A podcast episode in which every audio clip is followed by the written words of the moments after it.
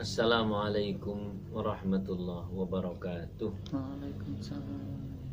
Kita pernah mendengar satu doa Allah makfina bihalalika an haramin wa aghnina bifadlika amman siwaka. Yang akan kita garis bawahi adalah wa aghnina bifadlika amman siwaka. Ya Allah, jadikan aku cukup hanya terus memohon anugerah Engkau dan jadikan aku tidak meminta-minta kepada yang lain. Ini mengandung makna yang sangat luas bahwa kalau urusan memohon, kalau urusan meminta, apalagi merengek, tentu bukan kepada makhluk namun kepada Allah Subhanahu wa taala. Hal ini menjadi penting saat kita dalam kondisi butuh maka memohonlah hanya kepada Allah Subhanahu wa taala. Ya. Kenapa memohon kepada Allah Subhanahu wa taala? Sebab yang mengatur rezeki ya Allah, yang mengatur waktu ya Allah, yang mengatur keputusan demi keputusan adalah Allah Subhanahu wa taala. Nah, untuk mempertegas hal ini saya akan utarakan satu kisah yang dengan kisah ini nanti kita akan lebih mantep. Mana-mana kita meminta kepada Allah mana-mana kita meminta kepada manusia. Di dalam kitab An-Nawadir itu ada satu kisah. Orang kaya orang kaya raya. Di situ sih namanya Ummu Ja'far. Tapi saya tidak tahu Ummu Ja'farnya saya belum ngecek dalam Jami Karamatul Aulia belum saya cek yang pasti Ummu Ja'far ini adalah orang kaya yang suka ngasih. Tapi rodok gaya ngasih. No ini tak kayak matur nuwun tuh karo aku. Nah, dia suka ngasih ini suka ngasih itu pada orang lain. Namun ya ya ada suasana-suasana merasa bahwa dirinya itu orang sukses lah kurang lebih nah ngono tekor ini butuh apa ini ah kurang lebih begitu. Di sini datang butuh apa ke sini kurang lebih begitu karena dia orang sukses. Nah orang sukses ini mempunyai dua tetangga eh, mempunyai tetangga kakak beradik yang sama-sama dia orang tidak punya. Nah orang yang tidak punya buta lagi.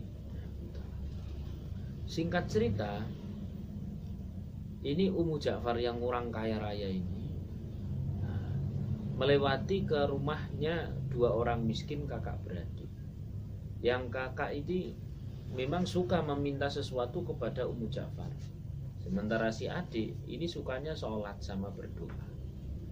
Digasai atau di diledek ini yang suka berdoa ini.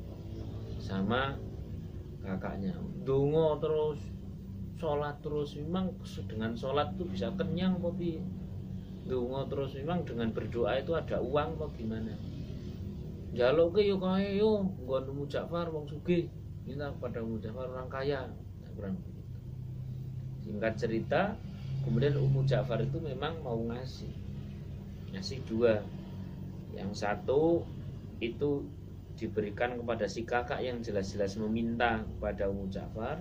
Dia dikasih ini ada kotak isinya makanan terus kemudian ada ayam dan sebagainya di bawahnya itu diselipkan uang sekian puluh dinar.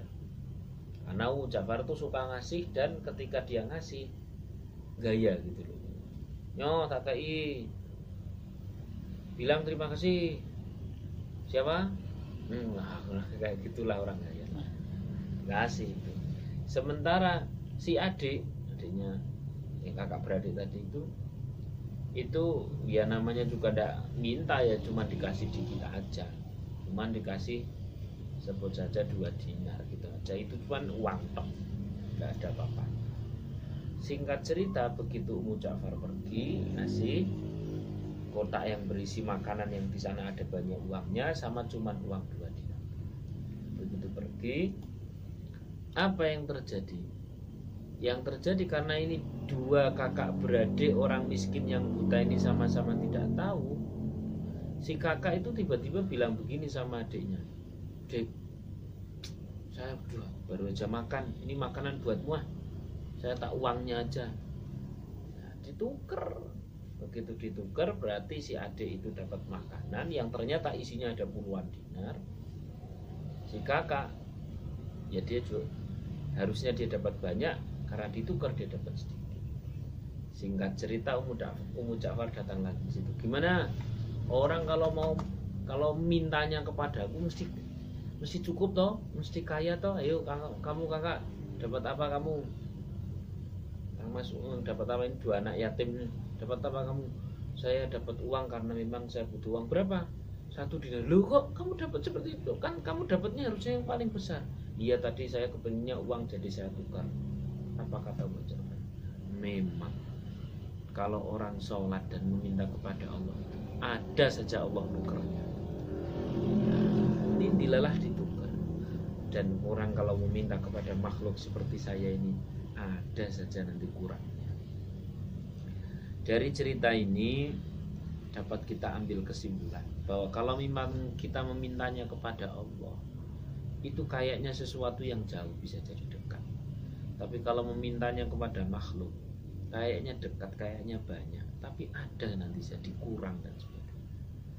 Ya kalau toh kita harus berhubungan dengan makhluk maka sifatnya hanya didohir saja. Sejatinya yang kita mohon rezeki sejatinya yang kita mohon seluruh keputusan dari setiap urusan kita adalah Allah subhanahu wa ta'ala. Dengan demikian maka niscaya kalau kita memohon hanya kepada Allah akan lebih efektif kehidupan kembali lagi dalam doa.